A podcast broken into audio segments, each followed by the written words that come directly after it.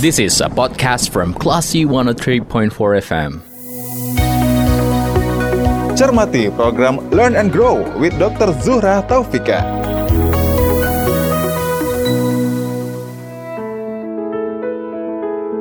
Dari Bumi Karang Putih Darung Padang 103.4 Kelas FM This is the actual radio. Assalamualaikum Selamat pagi. Apa kabar Kelas People? Semoga selalu dalam keadaan yang terbaik ya Sehat walafiat Tetap produktif Menjalani hari-harinya Dan tetap semangat nih Untuk hidup sehat. Saya Lia Brianka Anda sedang mencermati program Learn and Grow with Dr. Zuhra Taufika. Program ini hadir untuk Anda, Classy People, setiap hari Selasa di jam 10 waktu Indonesia Barat. Baik, Classy People. Setiap minggunya kita mengangkat tema uh, yang terkait dengan gizi, yang terkait yang terkait dengan tumbuh kembang juga, dan mudah-mudahan itu bisa menjadi penambah referensi Anda. Untuk kali ini saya dengan Dr. Vika akan ngobrol tentang cemilan anak yes or no. Nah, kira-kira uh, Anda nih ya, classy people, saya mau tanya dulu, kira-kira Anda termasuk orang tua yang membiarkan anak ngemil atau membatasi cemilan pada anak? Nah, silahkan dijawab masing-masing ya. Oke, kita langsung sapa saja Dokter Fikanya. Assalamualaikum Dokter Vika. Waalaikumsalam. Gimana kabarnya dok? Alhamdulillah sehat. Semoga Classy People sehat. juga begitu. Iya, amin. Semoga yang mendengarkan kita sehat ya dan bisa mengambil uh, intisari, mengambil hikmah dari perbincangan kita selama kurang lebih satu jam ini, Dokter Vika. Nah, Dokter yes. Vika, saya sudah kasih pengantar tadi uh, judul kita adalah cemilan anak, yes or no. Sebelumnya saya mau tahu dulu nih, bagaimana posisi cemilan dan ngemil dalam pola makan anak, Dokter Vika? Oke, jadi mungkin um, kita masuk dulu ya ke definisi ya. Jadi apa sih itu cemilan gitu? Yeah. Sebetulnya cemilan atau kita biasa sebut juga dengan kudapan itu merupakan suatu makanan dalam porsi yang kecil yang biasanya dikonsumsi di antara waktu makan. Mm -hmm. di antara dua waktu makan gitu. Misalnya nih antara makan pagi jam 7 dengan makan siang jam 12 atau jam 1 siang ya, itu ada cemilan satu kali sekitar jam 10 misalnya. Mm-hmm. Atau antara makan siang dengan makan malam, uh, itu ada satu kali cemilan di sore hari misalnya di sekitar jam 4 sore. Mm-hmm. Jadi kurang lebih seperti kita sedang rapat kali ya. Yeah. Kalau rapat itu kan ada tiga kali ya, tiga yeah. kali misalnya ya tiga kali makan, kemudian ada dua kali coffee break. Nah seperti Betul. itu. Jadi hmm, kita bisa anggap bahwa sebetulnya cemilan itu merupakan bagian dari makanan yang dikonsumsi seseorang setiap harinya yang merupakan satu kesatuan dengan keseluruhan kebutuhan tubuh terhadap kalori gitu. Jadi misalnya nih um, orang dewasa dia memiliki kebutuhan kalori sekitar 2.200 kalori gitu ya. Mm-hmm. Nah itu dipenuhinya dengan tiga kali makan utama, dua kali snack. Jadi snack ini tidak apa ya tidak di luar kebutuhan yang seharusnya gitu. Jadi kadang-kadang kita mikirkan snack nih ekstra nih iya. ringan yeah. nih, jadi mm-hmm. nggak mm-hmm. dihitung gitu. Padahal sembilannya bawaan lima buah atau salah lawa gitu ya. nah hal-hal seperti itu. Sembilannya bubur malah, ayam. ah ya bubur ayam atau kalau nggak sate, miso, yeah, yeah. bakso uh-huh. gitu nggak dihitung nggak dihitung makan gitu ya. Ah. Jadi sebetulnya dia gitu. ini adalah bagian dari kebutuhan kalori kita per hari. Jadi kita nggak bisa nggak jangan salah kaprah juga nih. Uh, ah saya makannya baru ini kok saya makannya baru dikit kok eh, nggak uh, apa-apa lah ya ngemilnya porsi gede gitu berarti nggak bisa gitu juga ya dokter Vika nah itu uh, sebetulnya seandainya nih dia makannya sedikit uh -huh. terus kemudian ingin menambah jumlah uh, cemilan gitu ya. Itu selama bisa mengimbangi itu masih bisa kita toleransi gitu. Tapi dengan catatannya itu tadi sebetulnya semuanya itu terakumulasi nanti dalam keseharian yang merupa, yang kita sebut sebagai kebutuhan uh, harian. Gitu. Hmm. Jadi misalnya nih kalau pada anak ya, anaknya makannya sedikit, kemudian di jam utama ya dia yeah. makannya hmm. sedikit, hmm. terus gimana nih cara orang tua untuk menambah atau mencapai berat badan yang optimal?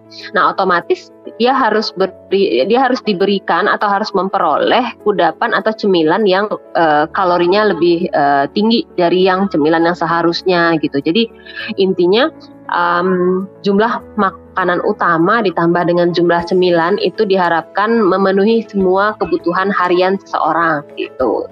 Artinya uh, ngemil ini balik lagi nih. Uh, boleh dilakukan tapi juga tidak harus dilakukan begitu. Uh, kurang lebih demikian. Biasanya cemilan ini um, dia itu bisa membantu seseorang untuk mengontrol juga ya nafsu makan. Kadang-kadang kan kalau misalnya terlalu lapar sehingga ketika jam makan siang atau jam makan malamnya itu dia jauh lebih bernafsu ya untuk makan. Jadi ini bisa lah e, ibaratnya tuh um, penunda atau pengurang ya jumlah e, kebutuhan atau kalori yang dikonsumsi seseorang di jam makan utama gitu. Nah nanti bedanya itu tergantung dari apa yang dicemil dan itu biasanya dipengaruhi oleh usia seseorang. Jadi kalau kita uh, kelompokkan yang di, yang termasuk dalam kelompok makanan cemilan itu apa dong Dokter Vika? Nah sebetulnya kalau kita perhatikan dari definisi tadi, um, cemilan itu kan makanan dengan porsi yang kecil, artinya lebih kecil dari makan utama dan mm -hmm. berada di antara waktu makan. Mm -hmm. Jadi apa pun itu itu bisa kita kategorikan cemilan. Uh, jadi apa ya kalau orang kadang-kadang mikir cemilan itu identik dengan sayur buah gitu ya. Mm-hmm. Tapi enggak demikian juga. Kalau misalnya targetnya adalah meningkatkan berat badan, terutama pada anak ya dalam masa pertumbuhan, tentu um, sasaran utamanya bukan sayur buah yang minim kalori gitu ya, tetapi mm-hmm. lebih kepada cemilan yang tinggi kalori. Nah, tapi kalau misalnya orang dewasa nih yang memang kebutuhan seratnya cukup tinggi ya 30 gram misalnya sehari yang sulit dipenuhi dari tiga kali waktu makan utama tentu dua kali jatah cemilannya nah berupa sayur dan buah atau hmm. sumber serat seperti itu. Jadi tergantung kembali lagi nih siapa sih yang bakal ngemil gitu.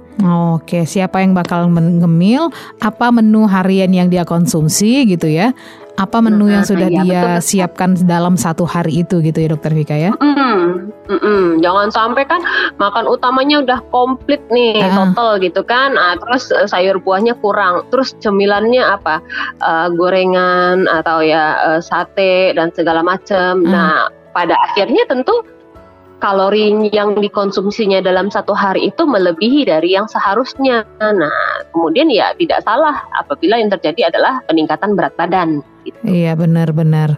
Dan kadang tuh tanpa tanpa kita sadarin perasaan saya makannya dikit deh. Tapi kok naik terus ya berat badannya? Ternyata cemilannya yang berbahaya ya. cemilannya yang tinggi iya, kalori betul ternyata. Okay. Iya kan nggak mungkin kan ajaib gitu ya iya. tiba-tiba gitu. saya saya minum air putih aja. aja naik satu on misalnya gitu ya. Donat aja tuh ngembang butuh waktu ya, iya, butuh iya, dua kali proofing. Nah apalagi kita gitu. Iya benar-benar. Jadi yang suka heran coba dievaluasi evaluasi lagi ya menu hariannya yang dikonsumsi sebenarnya ya. tiap hari apa gitu. Nanti ketemu deh kira-kira apa yang membuat berat badan itu gampang naik. Kalau iya, betul sekali. Uh, uh, untuk cemilan ini kira-kira mempengaruhi gizi anak, Dokter Vika? Uh, sangat. Uh mhm. -huh. Jadi karena dia merupakan bagian dari makanan, otomatis dia bisa kita apa ya, kita bisa manfaatkan sebetulnya cemilan ini. Jadi keberadaan si cemilan ini kita harus betul-betul uh, pergunakan untuk yang terbaik bagi anak. Ya, contohnya tadi, anak itu tidak selalu bisa menghabiskan porsi makan sesuai dengan usianya, misalnya ya. Nah, otomatis apa sih yang harus diberikan oleh orang tua di jam cemilan ya adalah makanan-makanan yang mengandung sumber kalori. Nah, misalnya nih dia um, makan nasi sama lauk sama uh, sayurnya di jam makan utama itu sedikit. Nah, kita bisa berikan pergedel isi daging pada jam makan uh, maaf makan cemilan ya hmm. atau mhm. kudapan atau kita bisa beli uh, bikinkan tahu kukus di mana kandungan tahu itu ya ada tahu, ada daging atau ada telur, kemudian ada parutan wortel. Artinya apa yang dia konsumsi di jam cemilan itu menjadi betul-betul sebagai sumber kalori yang bisa bermanfaat nih untuk memenuhi kecukupan gizi hariannya. Tuh. Hmm, gitu. Itu kalau yang positifnya gitu ya. Hmm, hmm. Tapi kalau yang negatifnya nih, misalnya makannya sedikit yeah. di jam makan utama Terus orang tuanya ngasih cemilannya berupa apa? Ya berupa misalnya makanan yang minim kalori. Misalnya buah, buah, buah, buah terus gitu kan. Mm-hmm. Kadang-kadang dikasih semangka setengah kilo lahap terus Aduh. karena melihat anak lahap gitu ya kan seneng tuh melihat yeah, anak yeah, lahap. Yeah. Tapi kan kembali lagi kandungannya apa sih? Air, vitamin ya. Dan itu mikronutrien ya kalau untuk vitaminnya.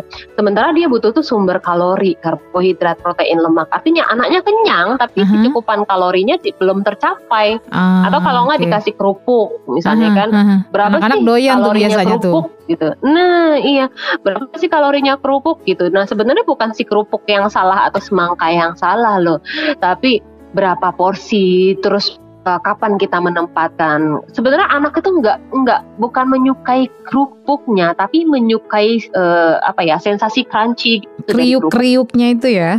Nah itu jadi Dan ketika dia berlemak dia dikit kan, jadi gurih ya. gurih kemudian dia kriuk kan, uh -uh. jadi sensasi ketika dia menggigit menimbulkan bunyi. Uh -uh. Nah itu yang membuat anak itu happy. Nah sekarang nih tinggal orang tua kan mikir apa nih sesuatu yang crunchy, kemudian juga bisa naikin kalori ya dendeng gitu kan, ikan bili gitu atau sesuatu yang lain yang bisa dibikin menjadi seperti itu, tetapi dengan kandungan gizi yang jauh lebih tinggi seperti itu. Hmm, oke. Okay. Tapi kadang-kadang orang tua mikirnya gini, ah nggak apa-apa dia makan semangka kan itu ada gizinya juga tuh, ada vitaminnya, bagus juga nih buat anak misalnya gitu dokter. Iya betul. Kan buah-buahan Jadi, gitu. Uh, Betul, betul banget. Jadi kita kan tidak menyalahkan si semangkanya ya. Semangkanya memang baik, ada vitamin, ada mineral gitu ya. Hanya saja kan kita ingat vitamin mineral itu mikronutrien, yaitu zat gizi yang dibutuhkan tubuh dalam jumlah sedikit. Hmm. Sehingga yang perlu dikonsumsi anak pun juga sedikit, misalnya setengah potong gitu ya. Okay. Nah, masalahnya adalah si anak nih kewajiban utamanya terhadap sumber kalori untuk beraktivitas itu kan butuh tenaga. Sumber tenaganya itu kan dari karbohidrat. Kemudian sumber untuk pertumbuhannya dari protein, hmm. untuk otaknya dari misalnya lemak gitu. Nah, yang utamanya nih belum terpenuhi. Kalau yang utamanya belum terpenuhi, sementara lambungnya itu juga. Hmm. Terus kita isi nih yang banyak dengan yang lain-lain, otomatis kira-kira masih ada space nggak untuk hmm. makanan utama kan kurang gitu. Jadi keinginan dia nah, untuk jadi makan mengurangi meng berkurang ya. Hmm. Iya betul sekali. Kalau misalnya apalagi ya, kalah siapa? pamor gitu. Mm -hmm. Kalah oh. pamor. Kalah pamor. Kan enakan iya enakan semangka kan. Oh iya. Manis. manis ada airnya gitu, gitu ya. Iya. Belum lagi warnanya juga menarik airnya. gitu ya Dokter Vika ya iya betul sekali. Nah jadi itu tuh yang bikin anak tuh mungkin lebih doyan. Jadi oh, tidak ada yang salah dengan suatu makanan, tinggal kita ngatur berapa yang mau kita kasih. Gitu. Oh I see. Kalau misalnya buah uh, ngemilnya buah juga, tapi yang lebih tinggi kalorinya kayak pisang, alpukat gitu, atau mungkin kurma. Nah itu gimana dokter? Nah, boleh, boleh juga. Boleh artinya dengan adanya kandungan kalori di dalam pisang, di dalam uh, alpukat itu jauh lebih baik tentu ya. Namun yang perlu diingat adalah dia tentu tidak mengandung protein sebanyak yeah. yang seharusnya dikonsumsi oleh anak. Yeah, artinya yeah. tetap kita kembali nanti berapa sih porsi yang sebaiknya. Nah, di mana kita ingat lagi, ih berapa sih lauk yang sebaiknya dikonsumsi anak usia segini gitu. Mm -hmm. Oh, sekian. Nah, kira-kira nih tadi dia udah makan apa aja ini ini ini gitu kan nah kalau rasanya udah cukup ya it's okay mau ngasih sumber yang lain tapi kalau rasanya belum cukup nah penuhi dulu tuh PR PR yang lain oh, gitu. oke okay, baik baik kita break sebentar dokter Vika nanti kita balik lagi oke okay. uh, ya. obrolan kita cemilan untuk anak ini ya dan Classy People jangan ke mana-mana tetap di program Learn and Grow with Dr. Zuhra Taufika. Kami akan kembali untuk Anda setelah komersial berikut ini. This is a podcast from Classy 103.4 FM. Learn and Grow with Dr. Zura Taufika.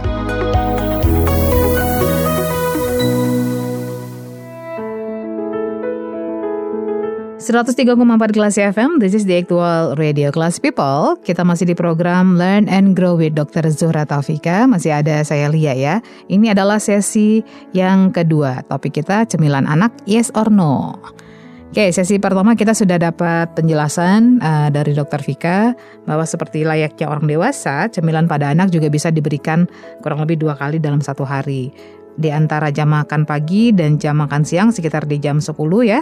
Lalu di antara jam makan siang dan jam makan malam sekitar jam 4 sore. Dok, kalau ngomongin soal ya. cemilan ya. anak ini, uh, umur hmm. berapa nih anak-anak mau mulai boleh ngemil? Apakah sejak MPASI dia sudah boleh sudah boleh ngemil atau bagaimana aturannya, Dok? Oke, ya jadi um, sudah boleh sejak MPASI. Jadi memang cemilan itu karena dia digunakan untuk uh, memenuhi kebutuhan kalori anak, maka sejak anak mendapatkan MPASI awal ya pengenalan makan itu boleh diberikan cemilan. Nanti ya kembali lagi uh, teksturnya yang disesuaikan. Untuk jenisnya bagaimana? Apa nih cemilan yang sebaiknya untuk, diberikan pada anak? Kalau untuk jenisnya karena anak masih dalam masa pertumbuhan, kemudian utamanya kan memang sumber ini ya sumber kalori uh, untuk uh, karbohidrat, protein lemak tentu itu sebaiknya gitu. Tapi seandainya sudah terpenuhi pada jam makan utamanya, maka kita bisa berikan seperti puree buah di mhm, jam uh, uh, snacknya. Oke, okay. dok kadang-kadang ini jadi buah simalakama juga satu misalnya ya dia susah makan oke okay, kita kita coba penuhin atau kita coba tambah deh uh, kebutuhan asupannya itu di cemilan. Eh ternyata malah bikin anak eh, nggak uh, nafsu makan seperti yang dokter bilang tadi di jam makan utama. Jadi sebaiknya bagaimana kita mengaturnya dokter? Uh, sebetulnya tergantung dari apa yang kita berikan. Mm -hmm. Maksudnya itu seandainya nih yang kita berikan di jam makan cemilannya itu memang bagian dari makan utamanya itu sendiri, misalnya seperti um, pergedel, mm-hmm. kemudian di situ kan ada kentang ya atau yeah. ada tahu, ada tempe yeah. ya, mm-hmm. itu tidak masalah, tidak masalah dalam artian uh, tentu nanti porsi makannya tidak sebanyak yang seharusnya, namun itu bisa dibantu terpenuhi oleh uh, yang anak konsumsi di jam cemilan kita mengaturnya seperti mengatur menunya seperti kita mengatur menu di jam utama atau bagaimana untuk jenisnya untuk menu yang akan kita buatkan untuk si anak ini? Kalau uh, pengaturannya lebih kepada apa yang kira-kira anak belum uh, lengkapi. Jadi hmm. misalnya nih di jam makan utama, anak makan nasinya sedikit, otomatis kita tentu harus mengadakan uh, sumber karbo pada jam cemilannya. Hmm. Bisa berupa uh, ubi atau bisa berupa kentang. Gitu.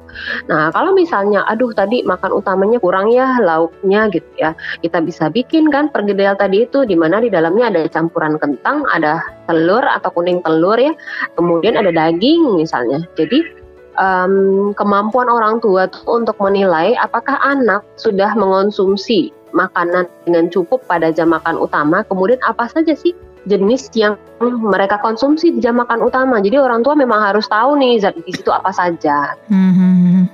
Oke, okay. kalau kondisinya adalah uh, yang ditakutkan obesitas nih pada anak yang yang suka ngemil, -hmm. bagaimana dokter? Nah, kalau misalnya anaknya obesitas, biasanya sih kita lakukan evaluasi ya. Evaluasi dalam artian apa sih yang dikonsumsi anak tersebut dalam waktu 24 jam. Nah, misalnya di jam makan utama, kita bisa perhatikan proporsi apa yang banyak pada anak uh, satu piring makan. Biasanya hmm. kalau yang obesitas itu kita cek usia ya. Kalau usianya masih dalam masa pertumbuhan, maka cek nanti uh, komposisi karbohidratnya apakah berlebihan atau tidak. Kemudian cek juga komposisi sayur. Di mana kalau anaknya obesitas itu kita biasanya sarankan um, lebih banyak serat atau sumber sayur dibandingkan buah. Hmm. Nah, kemudian di jam cemilan kita cek lagi apa sih yang biasanya dikudap oleh anak. Apakah hmm. mereka biasa mengonsumsi makanan yang digoreng, hmm. yang kayak lemak gitu ya, atau anak biasa mengonsumsi makanan yang manis, yang tinggi gula, Di mana kalau tinggi gula, tinggi uh, minyak itu tentu akan meningkat meningkatkan ya um, berat badan anak. Nah hal-hal seperti itu tuh yang kita minimalkan. Jadi di jam cemilan bisa saja anak kita arahkan untuk mengonsumsi serat. Tetapi kalau memang kebutuhan serat dari anak tersebut tidak tinggi atau misalnya nih anaknya tidak seharusnya makan sayur yang cukup banyak gitu ya, ya berarti kita arahkan anak untuk berolahraga. Jadi uh, untuk pengaturan makanannya minimalkan nih atau hindari nih makanan-makanan yang tidak perlu, yang terlalu manis, yang mengandung gula pasir berlebihan atau yang uh, terlalu berlemak atau berminyak gitu. Nah, itu yang dihindari atau diminimalkan. Nah, dialihkan kepada makanan yang memang bergizi seimbang. Nah, disertailah dengan olahraga supaya uh, berat badan atau status gizi yang diharapkan bisa dicapai dengan baik. Hmm, karena ada tipe anak tuh yang kalau orang tua bilang tuh dari pagi sampai malam dia tuh makan aja gitu ya di jam utama lahap, di luar jam utama dia juga nyari-nyari cemilan terus di rumah. Misalnya ada ibu-ibu yang yang curhat begitu tuh uh, dokter. Itu warning atau sebetulnya sesuatu yang harus disyukuri oleh orang tua itu? Um, sebetulnya kita berpatokan kepada yang yang sedang sedang aja gitu. Jadi ketika seseorang anak menjadi tidak pemakan atau terlalu pemakan, itu tentu tidak menjadikan suatu hal yang positif ya. Okay. Jadi kalau misalnya dia tidak pemakan, otomatis orang tuanya pada baper, yeah. gimana nih anak yeah. saya harus uh, makan nih, terus gitu ya. uh, uh, susah banget nggak mau makan gitu kan, padahal udah dibikinin ini itu. Sebaliknya kalau anak terlalu suka makan itu tentu akan menimbulkan kecemasan juga terkait dengan risiko akan obesitas, risiko akan penyakit nanti, penyakit degeneratif nanti ya di masa depan gitu. Hmm. Kalau untuk anak sekolah ini gimana kira-kira cemilannya dokter? Anak usia sekolah? Nah, anak usia sekolah bergantung kepada usia mereka. Kalau misalnya anak SD, SMP, SMA itu secara bertahap kebutuhan serat mereka akan meningkat. Artinya kebutuhan uh, jumlah sayur di dalam uh, piring itu akan semakin lama semakin bertambah gitu ya. Uh, terus kemudian karena mereka tuh masih dalam masa pertumbuhan juga ya, tentu yang sumber karbohidrat protein lemaknya itu tetap harus dikonsumsi. Jadi pada anak untuk cemilan kita memang tetap anjurkan yang bergizi seimbang, menghindari yang tinggi lemak dan uh, tinggi gula, serta kalau bisa hindari deh atau minimalkan makanan-makanan kemasan. Oke, okay. kayak frozen food begitu? Nah, uh, termasuk sih itu salah satunya karena sebetulnya frozen food itu sendiri mengandung uh, kadar garam yang cukup tinggi ya. Mm-hmm, mm-hmm. Pertama dia kadar garam yang cukup tinggi dan itu kita sebut sebagai makanan ultra proses juga ya karena yeah. dia uh, bentukan aslinya kan udah nggak nggak kelihatan mm-hmm. wujudnya. Mhm, nah, mm-hmm. gitu. Bentukan itu asli kita, bahan uh, bahan utamanya gitu maksudnya dokter uh, ya? Uh, iya misalnya kan ayam nih, mm-hmm. apa apakah emang iya ayamnya kan udah dalam bentuk tepung, udah dicampur mm-hmm. dengan ini itu segala macam. Jadi prinsipnya sih kalau untuk makanan ultra proses itu kita uh, hindarkan atau sangat minimalkan. Gitu. Oke, okay. baik uh, finger food ini kategori cemilan kah? Nah, kalau untuk bayi finger food itu ya, jadi finger food itu kita bisa kategorikan apa ya? Kita bisa kategorikan uh, makanan utama atau cemilan sih. Jadi finger food itu kan sebetulnya makanan yang bisa dipegang anak. Iya. Mm-hmm. Kalau misalnya dia megangnya cukup apa ya, dia memegang kemudian yang dia konsumsinya cukup banyak mm-hmm. dalam satu kali, berarti itu kan bisa masuk ke porsi makan utama. Mm-hmm. Tapi kalau misalnya tidak, itu bisa masuk ke porsi uh, cemilan gitu. Jadi lebih kepada um, how to serve ya. Jadi bagaimana kita menyajikan. Oh ternyata kita nyajiin nasi ini nggak dalam satu tangkup atau satu sendok, tapi mm -hmm. kita sajikannya dalam bentuk lontong yang dipotong-potong yeah. gitu, mm -hmm. yang bisa atau mudah dipegang anak. Yeah. Nah itu kan berarti udah kategori finger food, tetapi dia uh, bisa mencukupi kalori anak dalam jumlah yang sesuai seperti itu. Oke, okay, jadi uh, apa pun namanya, sebetulnya itu kembali lagi ke uh, pengaturan dari si orang tua terhadap menu yang dikonsumsi oleh si anak ini ya dokter ya. Ya betul sekali. Oke, okay. uh, kita break kembali dokter Vika. Oke. Okay. Nanti kita akan ngobrol lagi Classy People tetap di Learn and Grow. This is a podcast from Classy 103.4 FM. Learn and Grow with Dr. Zuhra Taufika.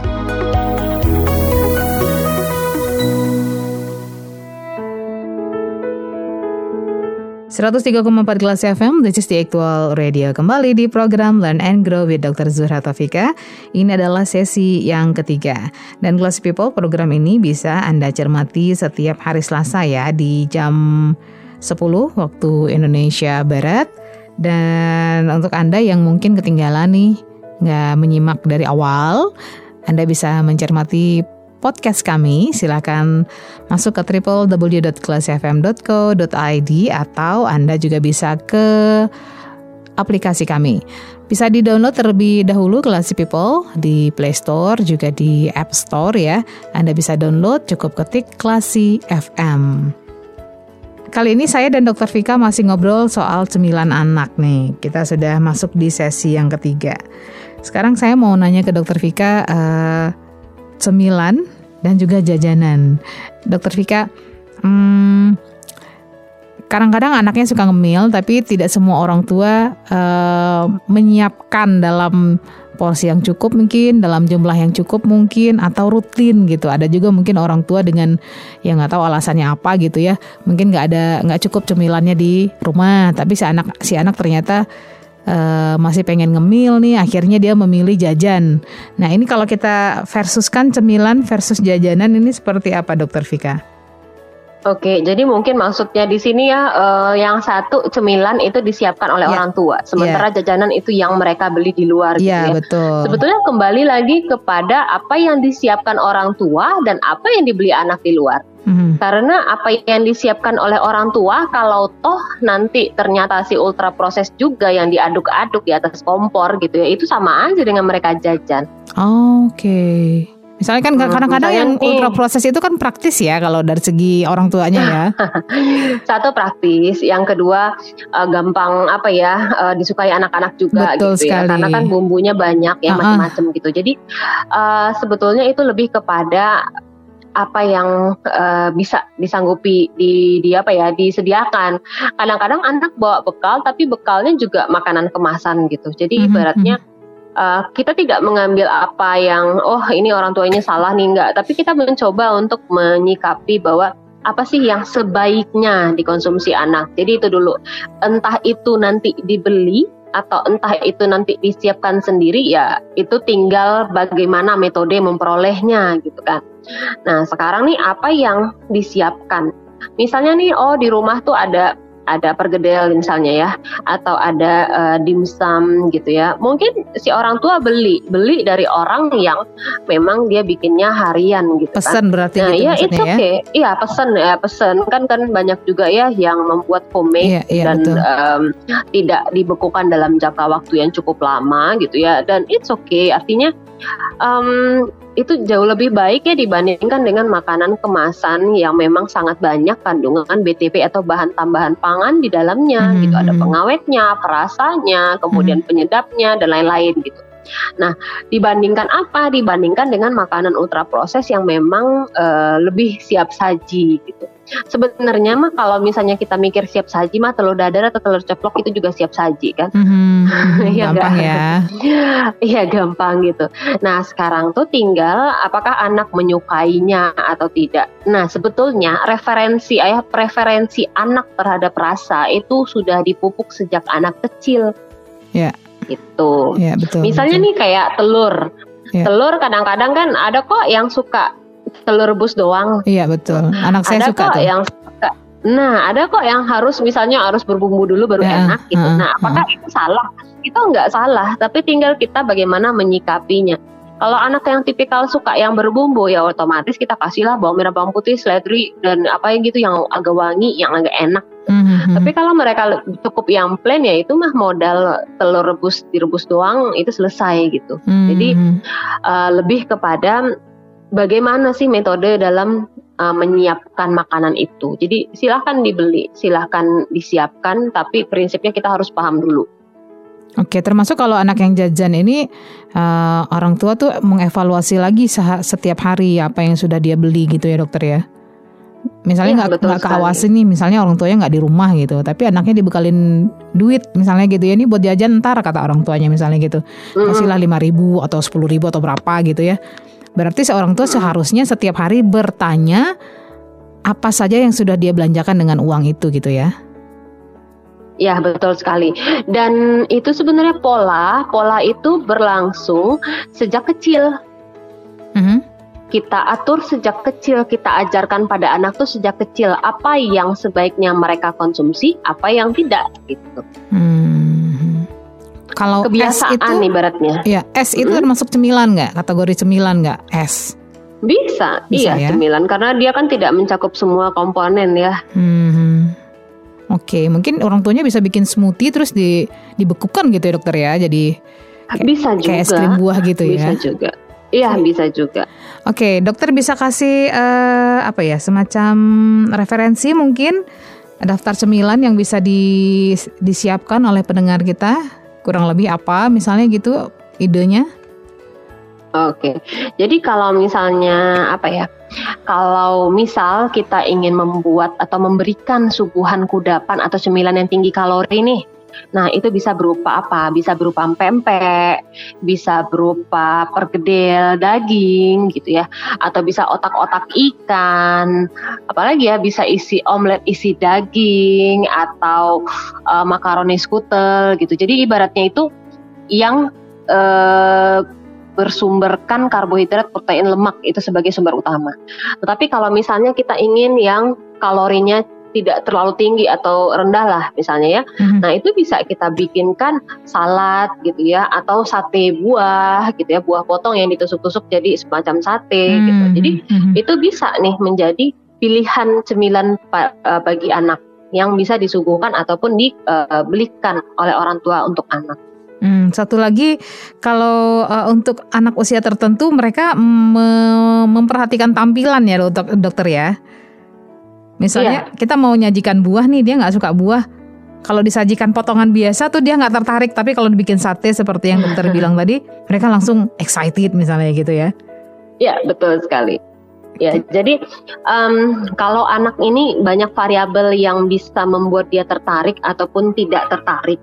Contohnya aja makanan yang sama, yang satu makannya rame-rame bareng yeah. teman-temannya, yang satu enggak. Yeah, nah, yeah. itu mah udah jadi semacam pemicu ya betul, untuk betul. dia suka atau tidak suka gitu. Belum lagi nanti penyajiannya kadang-kadang piringnya lah yang jadi yeah, daya betul. tarik atau sendoknya yang jadi daya tarik yang padahal menurut kita it doesn't make a sense gitu iya, kan. bener, oh, bener. sama aja yeah, pun bener. gitu. Uh -uh. Tapi bagi mereka itu menarik. Nah, yang paling penting tuh mood sih sebenarnya. Uh -huh happinessnya mereka itu kalau mereka happy mah apa aja tuh masuk. Nah sekarang kan gimana menciptakan happiness itu, tetapi yang menjadi dasar sebenarnya laparnya dulu, hmm. lapar dan pengaturan jadwal dan jarak. Nah, kalau jadwal makan dan jarak makannya udah baik, itu kita lebih mudah dalam membentuk pola makan anak. Jadi anak tuh nggak yang serba suka makan atau serba tidak mau makan gitu. Kenapa? Hmm. Karena hmm. secara fisiologis tubuhnya udah gue butuh makan nih. Hmm. Gitu. Oke. Okay. Uh, eh, balik ke obrolan kita tentang uh, makanan mm-hmm. ultra proses. Kalau saya perhatikan tuh kalau anak-anak sekarang tuh kurang suka yang tradisional, dokter. Kayak kolak misalnya gitu ya, bubur kacang ijo, apalagi yang tradisional ya lape balik misalnya lagi. gitu kan balik lagi ada ada nggak mereka dikenalin gitu kalau dalam apa ya dalam kalau di anak usia sekolah ya mm -hmm. pertama sih mulai dari rumah. Jadi memang ini e, berasal dari pola asuh dan pendidikan. Hmm. Apa sih yang dikenalkan kepada mereka sejak dari dalam kandungan sampai mereka balita. Kemudian barulah campur tangannya lingkungan pada usia sekolah. Hmm. Jadi kalau misalnya nih ada anak-anak yang tidak terpapar dengan lape, sumsum atau apa gitu ya, hmm. itu balik lagi orang tuanya terutama si ibu mengonsumsi itu enggak satu. Yang kedua, ketika mereka belajar makan di masa MPASI, mereka dikenalin dengan kayak kayak gitu nggak? Gitu. Hmm, hmm, hmm. Nah, terus nanti di usia sekolah, mereka dapat paparan terhadap itu juga nggak dari lingkungan. Dan kalau kita lihat, ini kebetulan saya punya anak usia sekolah ya. Anak usia sekolah itu sejak TK sebetulnya udah dipaparkan dengan beragam makanan, termasuk makanan tradisional. Di snack mereka di sekolah Jadi, ya? Iya di snack mereka ataupun di kurikulumnya itu memang dipaparkan. Yeah, yeah. Jadi ini mm-hmm. lape, mm-hmm. ini salalau gitu mm-hmm. ya. Jadi mm-hmm. kasanah makanan itu cukup beragam dan mereka itu dipaparkan loh terhadap itu. Nah sekarang tinggal apakah paparan itu cukup besar dibandingkan paparan lain yang mungkin lebih western atau lebih modern seperti mm-hmm. iklan emangnya ada iklan lape di media ada ya? sosial ya? gitu ya. Kemudian ada nggak sih iklan salah lawa gitu ya di TV atau uh. itu kan enggak ada gitu. Padahal sebetulnya mah itu juga apa ya? Itu suatu hal yang baik untuk dikonsumsi oleh anak. Jadi kayak apa kalau di Padang tuh kan ada lape nagosari ya. Yeah, nah yeah. itu tuh ketika anak anak yang bayi bayi ya bayi uh, yang misalnya dia mengalami makan yang agak susah, kemudian mungkin lagi tumbuh gigi, nah kasih tuh lapek nagosari dinginin Pas sedikit ya? di kulkas, udah enak uh, iya. Uh, uh. Kayak nah, sumsum -sum ya, kayak gitu. bubur sumsum -sum ya. Nah, betul. Jadi ibaratnya itu um, sebetulnya itu kembali lagi kepada apa ya yang mereka terima dari lingkungan itulah yang akan mereka adop. Betul. Ini kebanyakan iklannya ayam goreng. Jadi anak-anak sukanya ayam goreng semua gitu ya.